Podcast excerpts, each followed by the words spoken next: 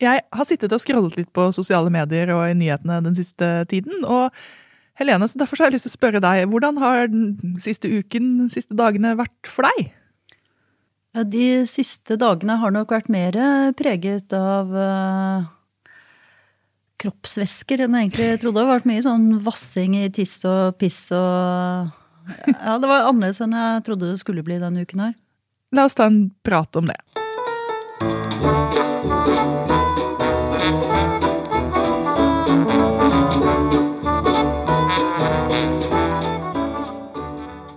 Velkommen til eh, denne ukens episode av Språktalk med meg, Kristin Sturusten, som er journalist her i Aftenposten, og Helene Uri, vår faste språkspaltist og forfatter og språkviter.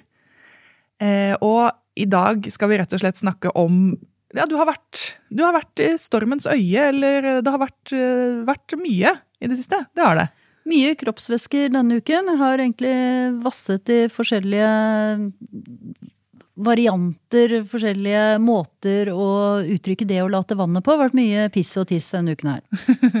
ja, for det som har skjedd, da, for de som ikke har fått det med seg, er at i saken mot Laila Bertheussen, som jo er tiltalt for, å, for uh, flere angrep mot sin samboer, som da var justisminister, så har da det blitt lagt frem forskjellige beviser. Og et av de bevisene, eller et av de uh, Noe av det aktoratet tok frem, var at de hentet inn Sylfest Lomheim, som er tidligere professor fra Universitetet i Agder og språkviter, for at han skulle si noe om de fire anonyme brevene som er sendt til forskjellige personer og steder. Og jeg har I begynnelsen så satt jeg fulgte den saken sånn fra dag til dag, altså fra minutt til minutt. Men nå etter hvert så har jeg Jeg har latt det flyte litt, da. For det er jo en trist sak på mange måter. Eh, men så skjønte jeg plutselig utpå kvelden, for da syntes jeg det på en måte eksploderte i sosiale medier. Da var jeg sånn Har, har Sylfest Lomheim vært i Hva er det til snakk om? Alle vitser med tiss og piss, og hva er det som skjer? Og så måtte jeg Svein Nyhus, som er eh, barnebokforfatter, hadde, måtte legge ut at han hadde en bok som het 'Steder å tisse'. Jeg, så da, Det var på en måte det første møtet mitt, men det var sånn Hva er det som har skjedd i dag? Eh, og kort oppsummert så var det som hadde skjedd, var at eh, Sylfest Lomheim, som da skulle vitne i saken, hadde snakket om eh, ja, at dette brevet, eller disse brevene eh, var sannsynligvis skrevet av noen med ut, Eller noen som prøvde å få det til å se ut som de hadde utenlandsk opprinnelse, og at det nok var skrevet av en kvinne, fordi verbet tisse var brukt, og ikke pisse eller mige mange av de andre alternativene. Bortimot sikkert at en kvinne har skrevet dette, for å sitere fra ja, Bergens Tidende her. En voksen, litt eldre kvinne, og ganske belest, sier han. Ja. ja. Og han begrunner det med at disse anonyme brevene ikke er sitat, spesielt røffe i stilen. Eh, og at en mann sitat, aldri ville brukt ordet tisse, men noe barskere sier han. Og så sier han i et videointervju, sier Lomheim, eh, videointervju med Dagbladet, at en mann bruker verbet tisse kun når han snakker til små barn og barn i egen familie. Ja, så det var bakgrunnen. Det var bakgrunnen, og dermed havnet dere to på Dagsnytt 18 for å diskutere dette. Ja. Mm. og, eh, det interessante med dette, eh, det er jo det at det er noe som Alle har jo et forhold til det. Alle tisser. Alle tisser. Eller alle pisser. eller alle later vannet. Alle tar en tur på det lille gutterommet. Eh, det, er, det, føles veldig nær hjemme, og i en så seriøs og vanskelig rettssak. Altså, ja, for det er noe med at de verbene i seg selv er litt komiske. Ja. Det er veldig lett å spøke med, og det var vel derfor det havnet eh, på Nytt på Nytt eh, denne uken også. Altså, det, er, det er litt sånn morsomt, litt komisk. Eh, men det er, jo, det er jo alvor også, og det er jo derfor vi skal eh, snakke om det. Ja, for det er jo noe eh, Ja. Og jeg har blant annet da Det er jo en gruppe som heter Språkspalta på Facebook. Eh, som har fryktelig mange medlemmer. Og der ble det en kjempelang tråd med mange hundre kommentarer. Fordi alle føler at de kan ha en mening. Så, men målet her i dag er jo ikke Vi er jo ikke en rettssak. Vi er ikke vi skal jo ikke si som, eh, hvem som har sendt hva til hvem, og hvilke hunder som har tisset på noen ting. Og nå er jo ikke Sylfest Lomheim her med i podkasten vår. Det hadde jo blitt en helt annen podkast. Eh, og derfor skal vi jo ikke gå så veldig inn på hva han har gjort og, og de type tingene. Men det er jo veldig spennende hva man kan gjøre. Altså dette med at en språkviter blir innkalt i en rettssak. Og hva, hvordan kan, for man kan jo drive tekstanalyse. Du er jo en av de som faktisk har sett på hvordan skriver kvinner og menn forskjellig, f.eks. For eksempel. og at det er jo ikke tvil om at man kan eh, som språkviter ha verdifulle ting å komme med i en rettssak. Nei, helt klart. Eh, og rettslingvistikk er jo også et fag som eh, vi kan komme tilbake til eh, senere. Mm. Men det jeg har gjort når jeg har skrevet om språk og kjønn, det er jo å få hjelp av språkvitere som driver med korpuslingvistikk. Korpuslingvistikk, her må vi forklare. Korpus det er jo sånne kjempesamlinger med ord, og da snakker vi om milliarder av ord. altså Dette er enormt store tekstsamlinger som kan være bygget opp av bøker, aviser eller forskjellige andre Trusselbrev? det kunne godt vært det. Tror jeg det er nokså lite der, og det er vel noe av det som, er, eh, noe av det som gjør dette litt sånn uh, vanskelig. Ja. Men hvis man bruker disse korpusene og søker, så kan man jo finne mønstre som man kanskje ikke ellers uh, ville sett, eller som man kanskje ikke kunne tenkt seg som det mest sannsynlige. Og Helge Dyvik ved Universitetet i Bergen han eh, sa i et intervju tidligere denne uken at han, det man virkelig må gjøre, det er å ikke være Man skal ikke være sikker på noen ting. Fordi at ofte så er det motsatt enn det man kanskje antar når man først begynner å søke i disse korpusene. Så gir de andre svar enn det man, enn det man kanskje trodde eh, man skulle finne. Da. Så ja. For det man kan finne ut jeg kom på at en av de tingene jeg har lest, man kan finne ut ved sånne type analyser, er at uh, i USA for eksempel, så har man det som heter The Federalist Papers, som ble skrevet av noen av the founding fathers. Eh, blant annet Alexander Hamilton, som jeg har sett musikal om og derfor interesserer meg for. Og så har man da ikke visst hvem som skrev hvilke, men ved hjelp av å analysere eh, innholdet i det, altså hvordan ting er formulert, så er det korpuslingvistikk, eller er jeg nå ute på Nei, det høres jeg synes det, ja. Så kan man se på formulering. Hvordan har eller noen korpuslingvistikk, det er vel ganske, lite, ganske liten ja. tekst, men du kan i hvert fall gå inn og finne særegenheter som da sannsynliggjør at uh, At i denne teksten her har man brukt det ordet to ja. ganger, som den personen bare brukte før. Nettopp. Det er en måte for tekstanalyse som Absolutt. kan avsløre tekster. Ja. Og, og, jeg kan si at jeg har fått stipend fra Norsk faglitterær forfatterforening for å gjøre noe sånn på oh. norske skjønnlitterære forfattere, så det gleder jeg meg skikkelig til å ta fatt på. Ja, for det er jo interessant med Jeg begynte å lese om rettslingvistikk, da. Hvis vi bare kan, det, jeg følte det var som et sånt stort kaninhull jeg bare datt ned i. For det er jo utrolig spennende hvordan man kan jobbe med tekst og finne altså Som en slags sånn tekstdetektiv, da, som jeg eh, syns er spennende. F.eks. i opphavsrettssaker. Eh, hvem var det faktisk av John Lennon eller, eh, eller Paul McCartney som skrev de tekstene, hvor de er signert på begge to? Og da mm. er det jo faktisk rettslingvistikk. Eh, det må jo ikke være ha skjedd en en, et drap eller noe voldsomt, men at da kan det være relevant å få inn lingvister som kan faktisk si sånn Vet du hva, her er det brukt dette og dette, formuleringen sånn og sånn. Det er veldig typisk for ja, og den det, og den. Da er det en viss sannsynlighet for at, ikke sant? Ja. ja. Mm. Men uh, hvis man ser på disse store norske korpusene altså Jeg har brukt uh, da Helge Dyvik ved Universitetet i Bergen og Lars G. Johnsen ved Nasjonalbiblioteket uh, her i Oslo og sett på forekomster av pisse og tisse. og da når man Det er så gøy å tenke på at liksom voksne fagfolk sender en e-post ja. til en annen sånn Du, unnskyld meg. Kunne du tenke deg å søke i det store, seriøse korpuset ditt etter ordet tisse. Og da kan vi Det føles som det er sånn pubertalt. og da, ja, det, er, det, blir jo komisk. Og da er det sånn at uh, Helge Dyvik har jo sjekket dette her med uh, subjektet, altså det grammatiske subjektet. Uh, altså hva sånn som at, står foran, da? ikke sant? At, om det står Ja, eller foran eller ikke, men i hvert fall hvem som er den handlende, da. Ja. Ikke sant? Den som utfører handlingen. Og da, da, er det jo veldig morsomt å se på hvilke verb som er maskuline, og hvilke verb som er feminine og hvilke som er totalt uh, likestilte. Brukes like ofte med kvinnelig og mannlig uh, subjekt. Ja. Og da uh, ser du at pisse brukes oftere av Hvis det er menn da, som er den, den som utfører pissingen, tissingen, urineringen. mens tisse, der Det er like ofte kvinner som, som menn. Omtrent 50-50.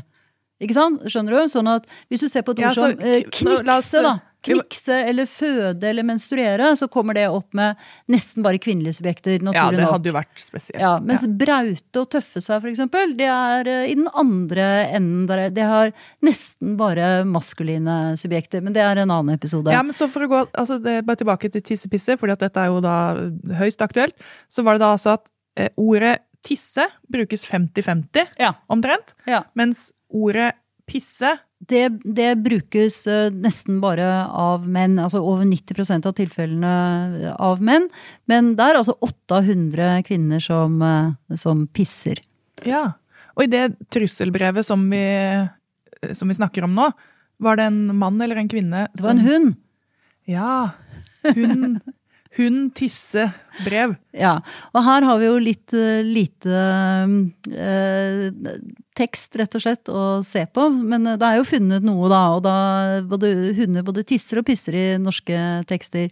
Og forfatterne av uh, Ja. disse tekstene er både kvinner og menn. For det er jo det som betyr noe i denne sammenheng. Det er Ja, det er sjelden hunder som skriver trusselbrev. det er sjelden hunder som skriver trusselbrev, og akkurat hva slags grammatisk subjekt som vanligvis blir knyttet til verb, er jo heller ikke så interessant. Det som er interessant, er jo om det er kvinner eller menn som bruker disse verbene. Ja, og hva vet man om det, da? Nei, da vet man jo også Du får egentlig ut det samme mønsteret. Hvis vi ser på disse store samlingene av ord, så er det slik at det er flere menn som står bak tekster der eh, pisse er brukt, og så er det omtrent eh, 50-50 der eh, tisse er brukt. Men hvis jeg skulle da skrevet en tekst hvor jeg hadde lyst til å få frem at det var en mann, så kunne jeg valgt ordet pisse.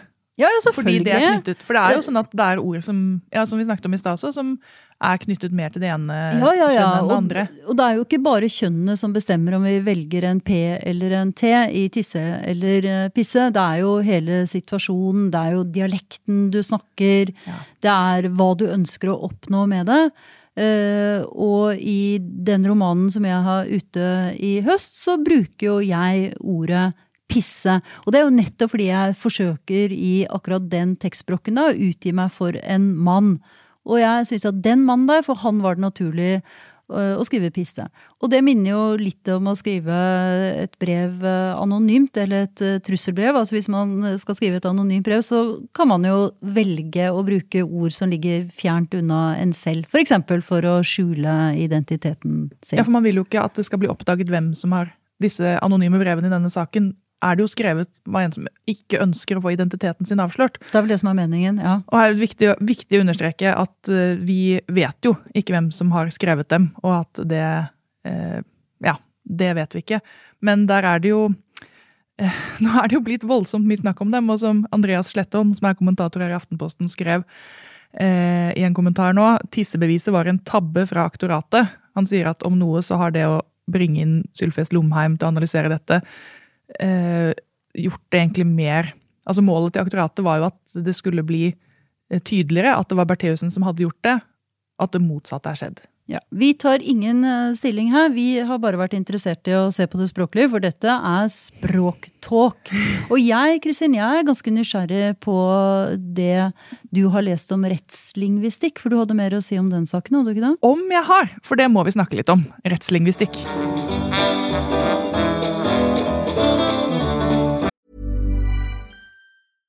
Want flexibility? Take yoga. Want flexibility with your health insurance? Check out United Healthcare Insurance Plans. Underwritten by Golden Rule Insurance Company, they offer flexible, budget friendly medical, dental, and vision coverage that may be right for you. More at uh1.com. Say hello to a new era of mental health care.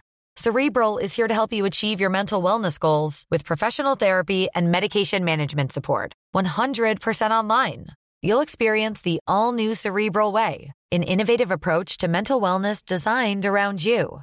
You'll get a personalized treatment plan from a therapist, prescriber, or both in a safe and judgment free space. Your Cerebral therapist or prescriber will outline a customized plan with clear milestones along the way so you can get to feeling your best. With Cerebral, you're not alone in your mental health journey. We're here to empower you to live a fulfilling life. So take that first step towards a brighter future and sign up today at cerebral.com slash podcast and use code ACasts to get 15% off your first month. Offer only valid on monthly plans. Other exclusions may apply. Offer ends July 31st, 2024. See site for details. Jeg har lagt merke til den siste uken at det er veldig mange som eh, er blitt lingvister. Det var jo litt sånn som Da korona kom, så var det veldig mange som ble epidemiologer. Eh, at man føler at man er skikkelig vet hva det er snakk om. fordi at ja, som tisse og pisse er noe alle har et forhold til. Men da havnet jeg ned i det kaninhullet som eh, jeg kaller rettslingvistikk.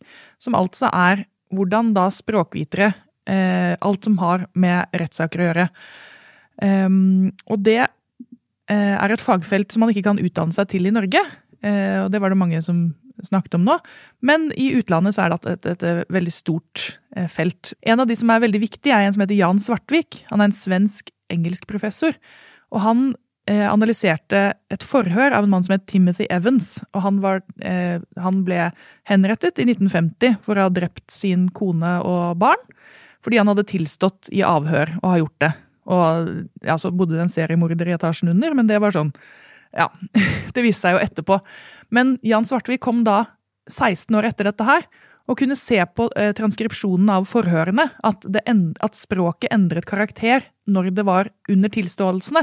Altså når man leste gjennom teksten, og så så man hvordan da han Timothy Evans eh, snakket, så stemte ikke det overens med tilståelsene. For det viste seg jo da at eh, disse forhørene hadde brukt, altså hadde presset ham eller hadde stilt veldig ledende spørsmål. Hadde lagt til eh, veldig mye av teksten selv i det de skrev. Som jo er en veldig eh, Da trenger man jo en som kan språk og kan se hvilke Hvordan snakker en person? Man kan se på systemene i det.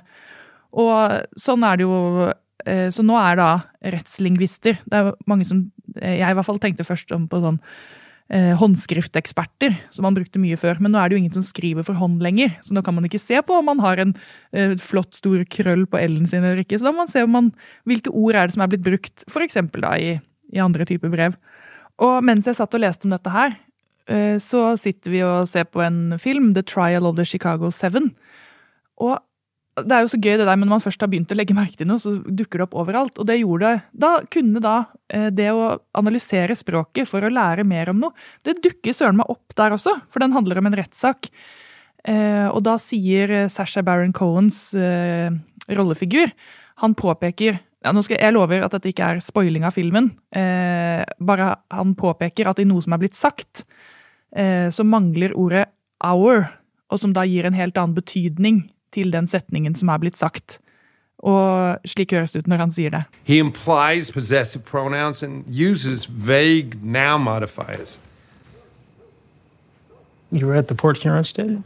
Uh, I've read everything you've published. I didn't know that. You're a talented guy. Except for the possessive pronouns and the vague noun modifiers. Ja, så Det var altså litt rettslingvistikk i The Trial of the Chicago Seven. Har du sett uh, filmen, Helene? Det har jeg ikke, men jeg må jo se den. Enhver uh, film som uh, inneholder referanser til grammatiske termer som possessive, bør jo ses. Ja, det, er, det, det må understrekes, det er ikke hoveddelen, men jeg hadde frysninger og gråt på slutten, så jeg ville sett den.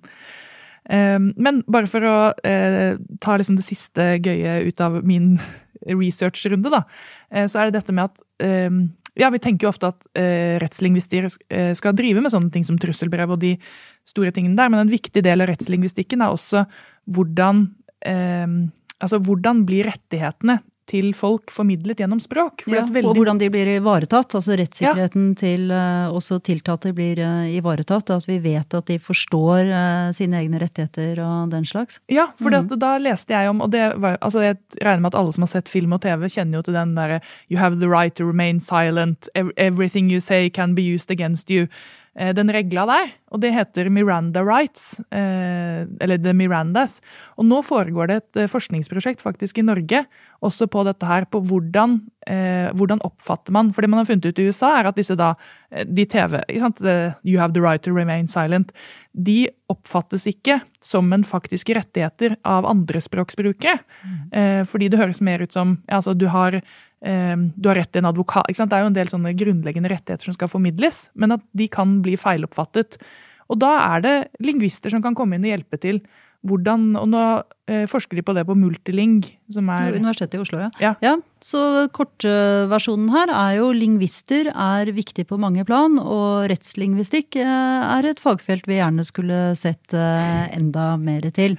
Ja, Det er hvordan, viktig og spennende. du vet jo hvordan jeg er. Nå fikk jeg lyst til å bli rettslingvist.